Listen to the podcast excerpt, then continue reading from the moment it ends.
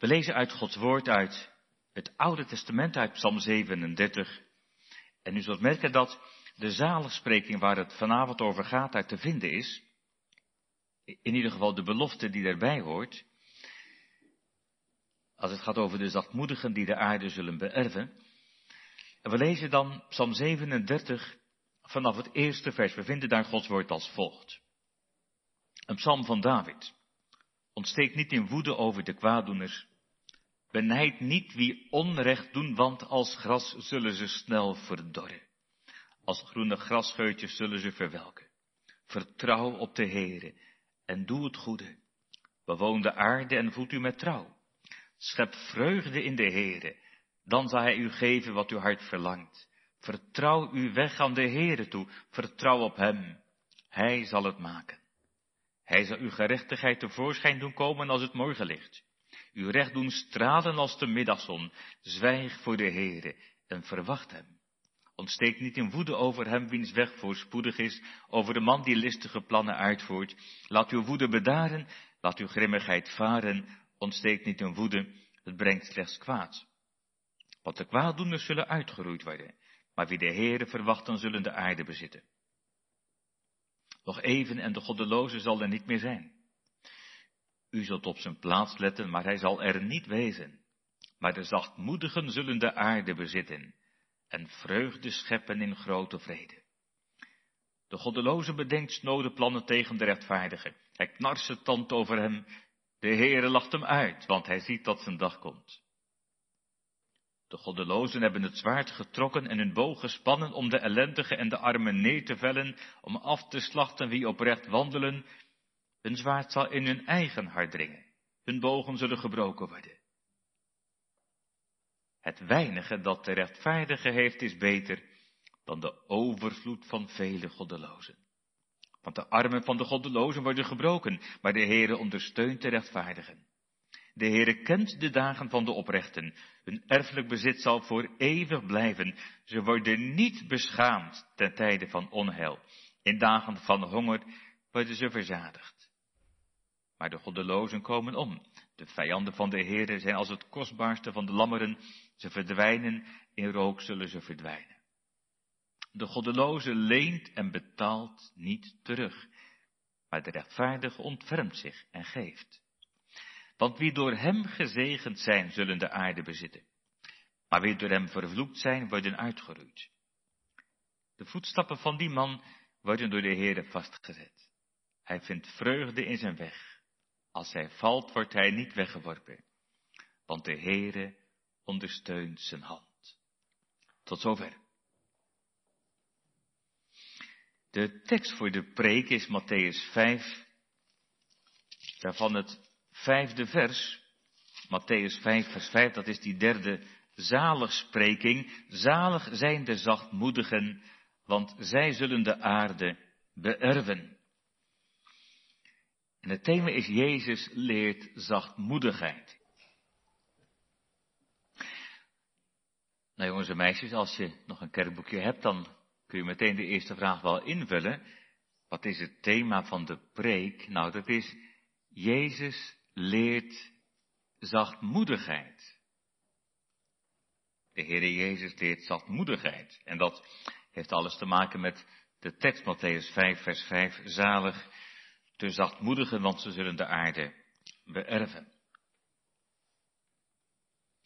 Gemeente, de Heere Jezus spreekt zalig en hij maakt ook zalig. Het is bij hem woord en daad. Hij zegt het en hij doet het.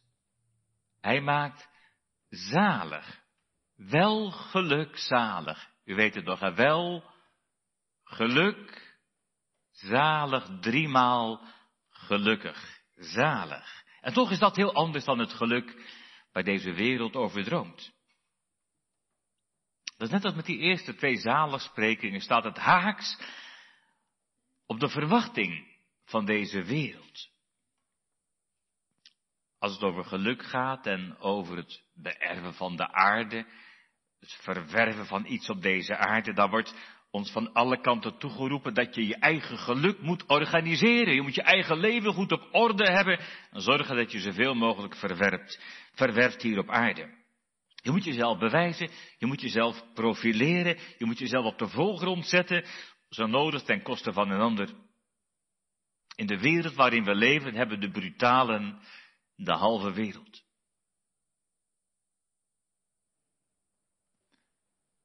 Maar Jezus zegt, de zachtmoedigen hebben de hele wereld.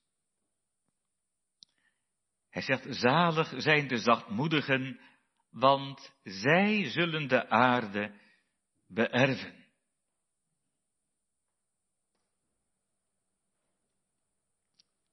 En dan hebben de brutalen het nakijken. We hebben het ook gelezen van 37. De goddelozen die met God geen rekening houden, die met een ander geen rekening houden. Die raken uiteindelijk alles kwijt. Of je nou in de kerk komt of niet. Maar wat bedoelt hij dan met dat zachtmoedig zijn? Het zat in de eerste plaats in tegenstelling tot hoogmoed. Jezelf opblazen. Arrogantie. En ook agressie. Maar dat wil niet zeggen dat een christen soft of slap zou zijn. Zachtmoedigheid is iets heel anders dan gebrek aan ruggengraat. Zachtmoedig is ook niet dat je altijd vriendelijk glimlacht en, en nooit moeilijk doet. Want de christen moet soms wel moeilijk doen. En, en soms moet een christen ook boos worden. Zeker als de naam van God in het geding is. Als wij willen weten wat Jezus bedoelt met zachtmoedigheid, dan moeten we bij Hemzelf zijn. Ook deze zaligspreking is in de eerste plaats bedoeld om de aandacht te richten op Christus. U weet, dat noemde ik de eerste keer al in de voorbereidingspreek. Met Jo Henry, die geeft daarin ook een gouden tip. Dat het in die zaligsprekingen eerst gaat over Christus zelf. En dat de aandacht allereerst wordt gericht op Hem alleen. Dat zegt Hij ook zelf. Met deze zalen spreken heel in het bijzonder. U kunt het ook vinden in hoofdstuk 11, vers 29. Daar kom ik ook later nog even op terug. Maar in 11, vers 29, dan zegt de Heer Jezus zelf, neem mijn juk op u en leer van mij dat ik zachtmoedig ben en nederig van hart. Dus hij zegt uitdrukkelijk, die zachtmoedigheid ja, dan moet je bij mij zijn. Ik zal het je leren. En, en bij de voorbereiding van de preek dacht ik, hoe kun je nou uiteindelijk beter zicht krijgen op de betekenis van die zachtmoedigheid, als het gaat ook over, over Christus zelf, dan door eenvoudig wat door te bladeren in Matthäus. In de bergreden, ook een stukje daarna, dan merk je dat Jezus wel zachtmoedig is, maar dat betekent niet dat hij een blad voor de mond neemt. En helemaal niet dat hij probeert mensen naar de mond te spreken. Integendeel, hij is geen prediker die de kool en de geit probeert te sparen. Hij scherpt Gods geboden juist aan. Ik noem een voorbeeld. Verderop in hoofdstuk 5, vers 27 en 28, dan horen we hem zeggen, u hebt gehoord dat tegen het vorige geslacht is gezegd, u zult geen overspel plegen. Maar ik zeg u, dat al wie naar een vrouw kijkt om haar te begeren, is een hart al overspel met haar gepleegd heeft. Hij scherpt die geboden juist aan, in plaats van dat hij het afzwakt, zo van, nou ja, je moet het allemaal ook niet al te serieus nemen, ook niet al te nauwgezet. Integendeel, hij scherpt het aan. En, en wat hij ook doet, hij durft de schijnheiligheid van de vrome leidslieden onder kritiek te stellen. Al weet hij dat hij ze daarmee woedend maakt. En dat doet het toch. Dat had u kunnen voorkomen. Om de lieve vrede. Maar dat doet hij niet. Hij zet de zaak op scherp. Nadrukkelijk waarschuwt hij ook voor degene die met een vrome schijn proberen te bidden. Om indruk te maken. Kijk eens hoe mooi en hoe vroom ik bidden kan. En dan zegt hij, dat is meer huigelen dan bidden. Maar ondertussen staat hij wel op lange tenen. Dat kunt u wel begrijpen. Eerlijk stelt hij in die bergreden aan de orde hoe we bezig zijn met eten en drinken en kleren en met ons geld. Met al die dingen van deze aarde, om hier op aarde iets voor elkaar te krijgen. En dan, dan zegt hij, dat kun je wel doen, maar zonder God ben je dwaas. Zoek eerst het koninkrijk van God en zijn gerechtigheid. En dan komt het met die andere dingen allemaal wel goed. Dat is ook alweer die zaligspreking. Eerst Christus. Dan komt de aarde vanzelf. Hij spreekt over de goede vruchten aan de goede boom, maar ook over de kwade vruchten van een kwade boom. Hij confronteert ons met het oordeel van God over alle ongeloof, over alle ongehoorzaamheid. Lees maar eens wat er staat in hoofdstuk 7, wat aan het eind van die bergreden. Dan durft die mensen tegen de haren in te strijken, zelfs zo dat ze hem zo beginnen te haten. Dat ze hem uiteindelijk zullen verwerpen. En, en dan verderop in hoofdstuk 8, er komt er iemand bij hem en dan denk ik, nou dat is mooi, dat is een zoeker. Een zoeker. 8 vers 22. He, die zegt, nou, eh, die, die, die wil de Heer Jezus volgen. Zegt hij, meester, ik zal u volgen, waar u ook heen gaat in vers 19. Maar dan vraagt hij even uitstel. Zo van, ja, ik, ik heb nog wat andere dingen te doen in mijn familie, verplichtingen voor mijn ouders en... Maar, maar ik wil u echt wel volgen. Een echte zoeker zou je zeggen. Maar in plaats van dat de Heer Jezus, wat wij dan wel eens pastoraal noemen, daarmee omgaat en, en als het ware een beetje over zijn bol strijdt, zet hij hem met een mes op de keel. Volg mij en laat de doden in doden begraven. Het is nu of nooit. En dan denk je, is dat zachtmoedig? Het is wel Jezus. En wat zullen de mensen gedacht hebben? Nog iets verderop, in hoofdstuk 11, daar, begon ik al mee, hoofdstuk 11, daar staan die mooie woorden, dat, dat hij zachtmoedigheid zal leren. Maar als je net daarvoor leest, dan, dan heeft hij het over Sodom en Gomorra. En dan zegt hij, het zal voor die steden verdraaglijker zijn dan voor u. Wat zullen ze gedacht hebben in Capernaum, in Jeruzalem, als ze dat horen? Dat het Sodom en Gomorra verdraaglijker zal zijn dan voor ons? Zijn zulke preken zachtmoedig? Het is maar hoe je het bekijkt. Het is maar hoe je het bekijkt. Is het dan zachtmoedig als je heel vriendelijk niet waarschuwt voor gevaar? Dat lijkt zachtmoedig, maar is dat niet in werkelijkheid wreed? Is het zachtmoedig als je niks zegt? En minzaam lacht als mensen hun ondergang tegemoet gaan? Let anders op Jezus. Juist als hij waarschuwt voor Sodom en Gomorra, dan waarschuwt hij heel nadrukkelijk voor de hel. Maar dan, dan meteen daarna komen die woorden. In vers 28, die heel bekende woorden. Kom naar mij toe, alle die vermoeid en belast zijn. Kom herwaarts tot mij. Ik zal u rust geven. Neem mijn juk op u. Leer van mij dat ik zachtmoedig ben. Daar laat hij werkelijk in zijn hart kijken. Juist waar hij indringend waarschuwt klopt zijn liefde en zijn bewogenheid. Daar bewijst hij ware zachtmoedigheid, die echt het goede met een ander voor heeft. Die niet misschien wel vriendelijk lijkt, maar van binnen keihard voor een ander is. En dat moet je zelf maar weten, onverschillend. Nee, het is echte zachtmoedigheid die geeft om een ander. Dat is die liefde die zoekt naar uw en jouw en mijn behoud. En wat hij zegt, wordt hij gedreven door zijn liefde. Heeft hij het goede met ons voor. En dat komt tot de climax later als we de Heer Jezus zien voor Caiaphas. Matthäus beschrijft dat ook in hoofdstuk 26. En dan zien wij de Heer Jezus geboeid. Dan zat hij geboeid voor de aardse hoge priester, de hoogste geestelijke leider van die tijd. De machtigste man in de kerk, zouden we zeggen. En zelfs daar, als hij daar machteloos lijkt te staan, neemt hij geen blad voor de mond. Dan confronteert hij die hoge priester met het oordeel van God. En dan zegt hij, ik zal jou oordelen. Ik kom terug op de wolken van de hemel. Je zult het zien, zegt hij. Je moet maar durven. Als je daar staat, dan krijgt er ook een klap voor in zijn gezicht. En het eindigt in zijn veroordeling. En hij verzet zich niet.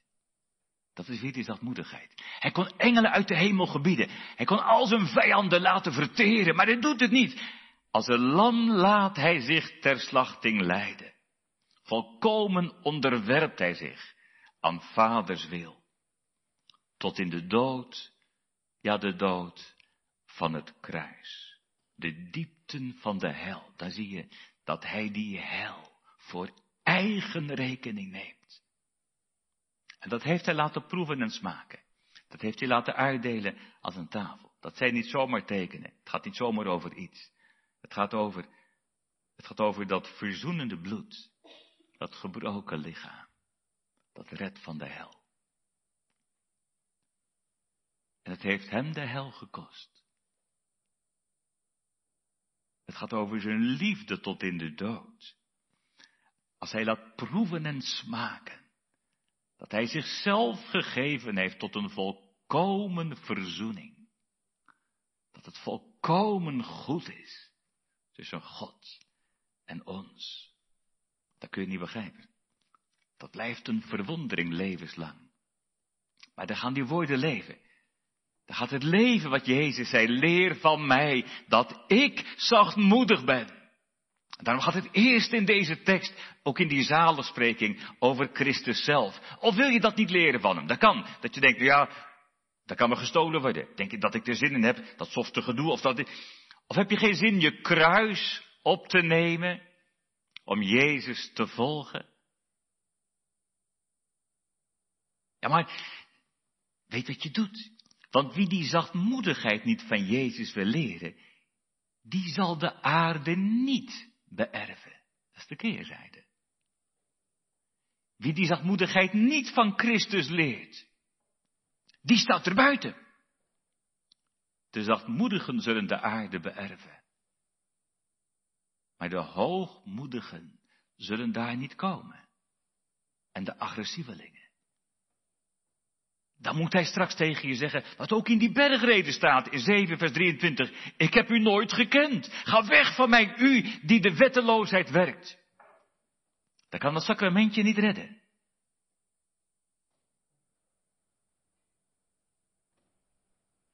En toch die zachtmoedigheid waar het hier over gaat. Die ootmoed, die, die staat zo haaks op hoe wij van nature zijn. Het zit zo diep in ons dat we dat niet zijn. Die, die trekken van die zachtmoedigheid niet hebben. Het, het, zit zo diep in ons dat we roemen in onszelf. En toch onszelf weer opblazen. Dat we willen bewijzen hoe goed we zijn. Dat is wel als we assertief zijn. Maar ook als we misschien worstelen met minderwaardigheidsgevoelens. Dat je toch probeert te laten zien. Dat je zo slecht niet bent. En toch jezelf probeert te bewijzen. En toch probeert de gunst van God te verdienen. Toch jezelf weer centraal stellen. Toch weer je eigen gelijk willen halen.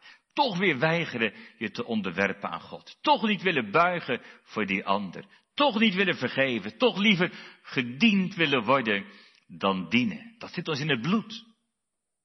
Die zachtmoedigheid waar, waar Jezus hierover spreekt, is daarom ook geen natuurlijke eigenschap. Het is niet dat je van nature vriendelijk bent, alsof dat die zachtmoedigheid zou zijn. Dit heb je niet van jezelf. Het is de vrucht van de geest. Je leert het ook door zijn woord en door zijn geest. En deze avond van zondag, dan voeg ik daar als vanzelfsprekend toe je leert het ook aan zijn tafel. Dat is wat Christus ook wil leren, ook in die herhaaldelijke avondmaalsviering om telkens opnieuw zijn dood te gedenken, om geoefend te worden in zachtmoedigheid, op de leerschool van de Heilige Geest. Om het ook te verstaan, ik ben met Christus gekruisigd. En ik leef, maar niet meer ik. Maar Christus leeft in mij. Hij leert het aan zijn tafel. Ik voor u daar u anders de eeuwige dood had moeten sterven. Dan geeft hij genadebrood. Dat is pure genade, radicale genade, totale genade. Waar heb ik het aan verdiend? Helemaal niet. Ik heb niks verdiend. En des te groter is het wonder van zijn liefde. Het is genade, onverdiend en toch geeft hij het, deelt hij het uit mild en overvloedig. Genade maakt ootmoedig. Genade maakt zachtmoedig, want het is niets van mij, alles van hem. Leer van mij, zegt Jezus, dat ik zachtmoedig ben en nederig van hart en u zult rust vinden voor uw zielen. Je leert het van Christus. En het geeft innerlijke vrijheid. Het is van het hele kostbare in het leven met Christus. Iets van dat, iets van dat heilsgeheim. Dat je mag weten, Hij heeft mij aangenomen. En daarom hoef ik mezelf niet meer te bewijzen. Dat probeer ik wat ook, maar dat hoeft helemaal niet. Want Hij heeft zich over mij ontfermd. En dan kan niets me scheiden van de liefde van Christus. Hij verzekert mij van zijn liefde. En daarom hoef ik het niet meer te verdienen. En hoef ik mezelf niet meer te bewijzen. En van hem krijg ik alles wat nodig is. En, daarom hoef ik niet meer kosten wat het kost van alles bij elkaar te schrapen. Om hier op aarde dit en dat nog te hebben en overal wat vandaan te harken. Als ik hier op aarde maar genoeg heb. Nee, want hij is mijn deel. Psalm 16. De erfenis is ten diepste Christus zelf. Bij Hem ben ik veilig. En, daarom hoef ik niet agressief te vechten voor mezelf. Want Hij is mijn heil.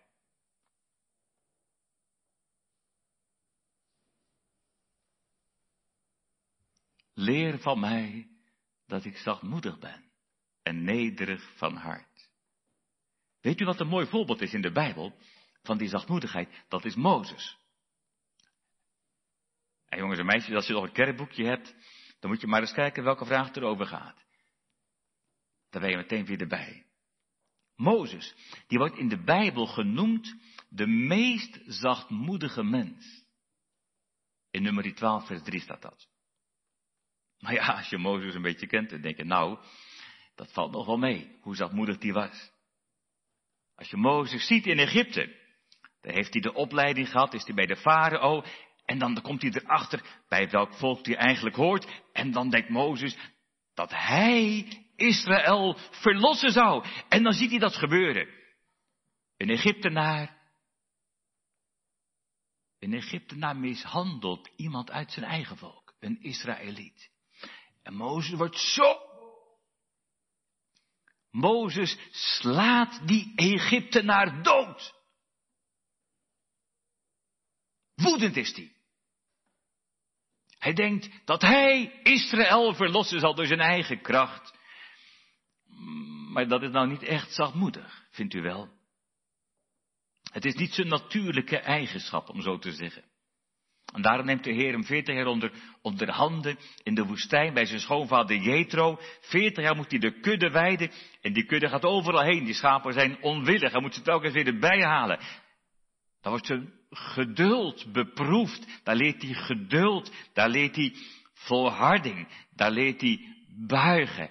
Daar leert hij zachtmoedigheid in de praktijk. En zo maakt de Heer hem geschikt om zijn volk te leiden uit Egypte naar het beloofde land. Maar ja, in de woestijn steekt die oude natuur weer de kop op telkens weer. U weet bij die rots, dan moet hij spreken, maar dan is die boos en driftig, die oude Mozes. Hij slaat op de rots.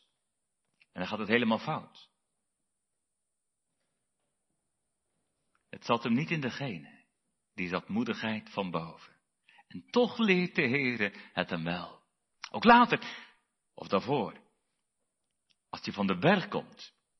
En dan ziet wat het volk aan het doen is. Dat ze aan het hossen zijn rondom dat gouden kalf. Als hij, als hij dan helemaal verdrietig, maar ook weer woedend wordt. Als hij ziet hoe het volk het verknoeit en het verzondert. Dan smijt hij die stenen tafelen stuk.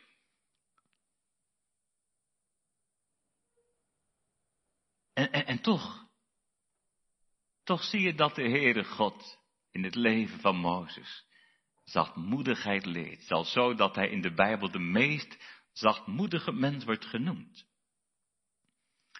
Iets van die trekken van hem die ons zachtmoedigheid leert. Geduld met anderen. Omdat hij zoveel geduld heeft met mij. Liever onrecht lijden dan onrecht doen. Ik weet van iemand die een keer bestolen werd.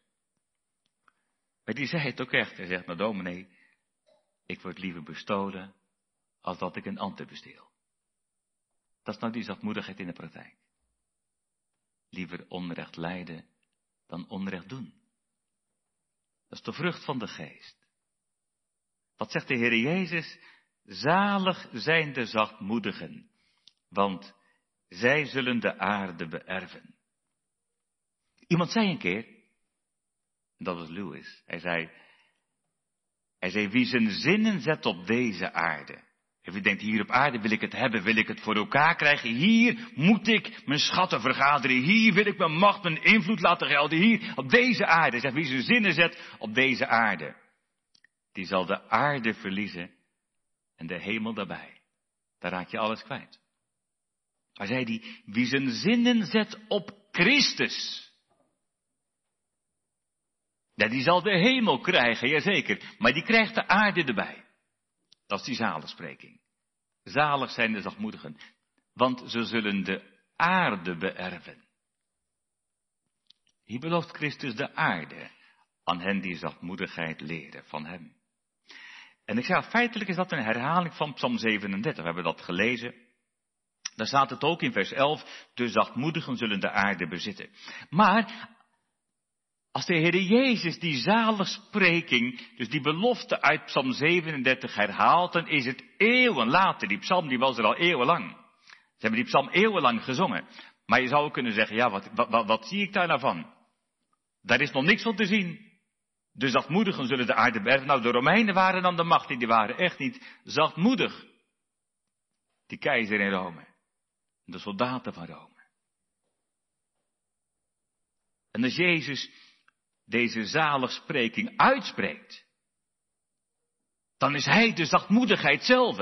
Hij is de zachtmoedigheid in eigen persoon, maar, maar het lijkt er bepaald niet op dat hij de aarde zal beërven. U weet waar het naartoe gaat. Dat hij van deze aarde wordt verworpen. Dat deze aarde hem kruisigt. Daar hangt hij tussen hemel en aarde. Uitgeworpen van deze aarde. Er is voor hem geen plaats op deze aarde. Dat is nog eens wat anders dan de aarde beërven. Je ziet er niks van. En dat is zo vaak wat we zien. Dan denk je, ik zie er helemaal niks van. En daar is Jezus zelf bij uitstek ook het voorbeeld in. En toch, toch heeft hij in die tekenen van brood en wijn de garantie. Dat de zachtmoedigen de aarde zullen beërven. En, dan gaat het eerst over Christus zelf. En jongens en meisjes, als je in je kerkboekje kijkt, dan is daar een plaatje bij. Een plaatje van de wereldkaart. En er staat erbij, er staat er iets moois bij. Er staat erbij, heel de aarde is, ja van wie? En niet van de duivel, maar van God. Je kunt dus zeggen, heel de aarde is van Jezus. En dat is nu al. Deze zachtmoedige is ook nu de koning van de koningen en de heren van de heren. Hij heeft ook nu alles in zijn handen. Hij regeert. Dat is nu al. En tegelijk is het een belofte voor de toekomst. Is het een belofte die in volle vervulling gaat als Jezus terugkomt? Dat zien we nu nog niet. Dat is het geloof dat hem verwacht, het geloof dat ook vernieuwd en versterkt wordt, ook deze dag aan zijn tafel. Dan, dan gaat deze aarde voorbij. Dan komt er een nieuwe hemel en een nieuwe aarde. Niet als een radicaal nieuwe, maar wel een vernieuwde schepping. Een nieuwe schepping, een nieuwe hemel en een nieuwe aarde. Dat is meer dan alleen de hemel. Ik dacht als kind aan de hemel als de plaats waar altijd wordt gezongen. En er zal gezongen worden in de hemel, wat dacht u? Maar het is wel veel meer, oneindig veel meer dan alleen maar zingen. Het is ook niet alleen maar met, de zielen. Dat is wel op dit moment in de hemel. Als we, als we nu sterven en onze geliefden sterven, dan is, het, dan is het nog alleen de ziel die met Christus in de hemel is. Maar er komt een dag dat het lichaam zal opstaan als Jezus terugkomt. En dan, dan blijft het niet, dan blijft het niet in de hemel. Maar dan is het ook hier op aarde. Dat is het wonder van de nieuwe hemel en de nieuwe aarde. Dan zal er een nieuwe schepping zijn. En dat zal rijker zijn dan het paradijs ooit is geweest. Dat, dat is een nieuwe aarde, waar het de hemel op aarde is. Het is een hemel die tegelijk op aarde is. Daar zegt, de, daar zegt de Bijbel van in openbaring, God zal in het midden van zijn volk zijn. God zal alles en in alles zijn. Daar zal de aarde weer zijn, zoals God het heeft bedoeld. Daar is niet alleen ons lichaam, maar ook onze ziel. En niet alleen onze ziel, maar ook ons lichaam. Daar zijn machtsmisbruik en seksueel misbruik en onrecht en bedrog voor goed verleden tijd. Daar komt geen kwaad meer binnen. Daar heerst een recht en gerechtigheid. Daar komt niemand binnen die de zonde lief heeft en die de zonde doet. Daar wordt iedereen gedreven door de liefde tot God en tot elkaar. Daar zijn eerlijkheid en goedheid en trouw. Daar wordt het lam geprezen om wie hij is, om wat hij heeft gedaan. Daar zal het goed zijn, zoals God alles heeft bedoeld. God alles en in alle. Zul je daar zijn? Of niet? Zul je daar zijn of sta je er nog buiten? Of weet je het nog niet? Hoor hoe de Heer Jezus het zegt. Zalig zijn de zachtmoedigen, want zij zullen de aarde beërven. Ja, maar ben ik wel zachtmoedig genoeg? En dan beginnen we weer te tobben en te hangen met onszelf. Want dan kom ik er nooit uit. Want goed genoeg, dat durf ik van mezelf niet te zeggen. Dan wordt het nooit wat. Maar Jezus laat ons niet over aan onszelf. Hij zegt, kom herwaarts tot mij. Kom naar mij toe, of het nou voor het eerst is, of voor de zoveelste keer. Maar kom naar mij, zegt Jezus. Dat is Matthäus 11, hè. Kom naar mij, allen die vermoeid en belast bent. En ik zal u rust geven. Neem mijn juk op u en leer van mij dat ik zachtmoedig ben en nederig van hart. En u zult rust vinden voor uw ziel. Amen.